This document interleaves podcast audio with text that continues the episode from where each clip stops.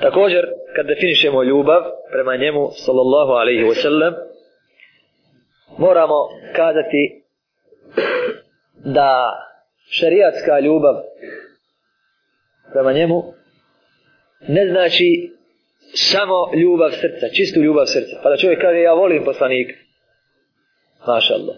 A zašto ga ne slijediš? Zašto ne donosiš na njega salavat?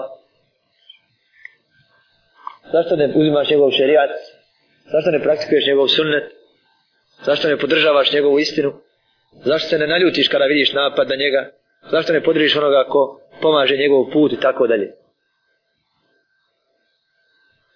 Znači ja samo volim poslanika u srcu, alaihi salatu wasalam, a ne slijediti ga je isto reći ja priznajem Boga, vjeruješ u Boga, vjerujem, vjerovanje njegovo postojanje, a ne činjenje i bareta poslanika. O, Allahu. Također poslanika ljubav prema njemu sama, a ne slijediti ga nije šarijatska ljubav. To je jedno. Drugo, također, ni formalno ponašanje poslanika i sliježenje.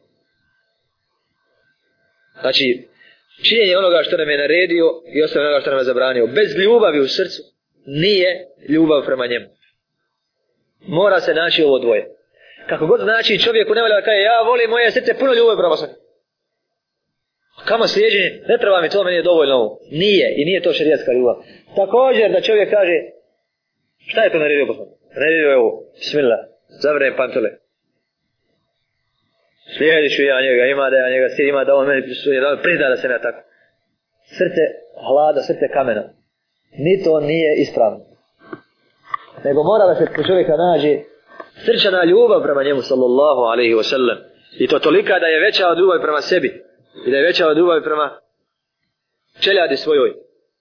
A isto tako da to ne bude samo lažna ljubav, da kad se spomene on mi zaplaćemo, a ovamo bez ikakvog obzira kršimo, kršimo vjeru koju je on temeljio sallallahu alaihi wa To su znači dva bitna dodatka da ne smije znači biti ni sama ljubav u srcu bez slijeđenja, niti da to bude suhoparno slijeđenje bez ljubavi u srcu, nego oboje.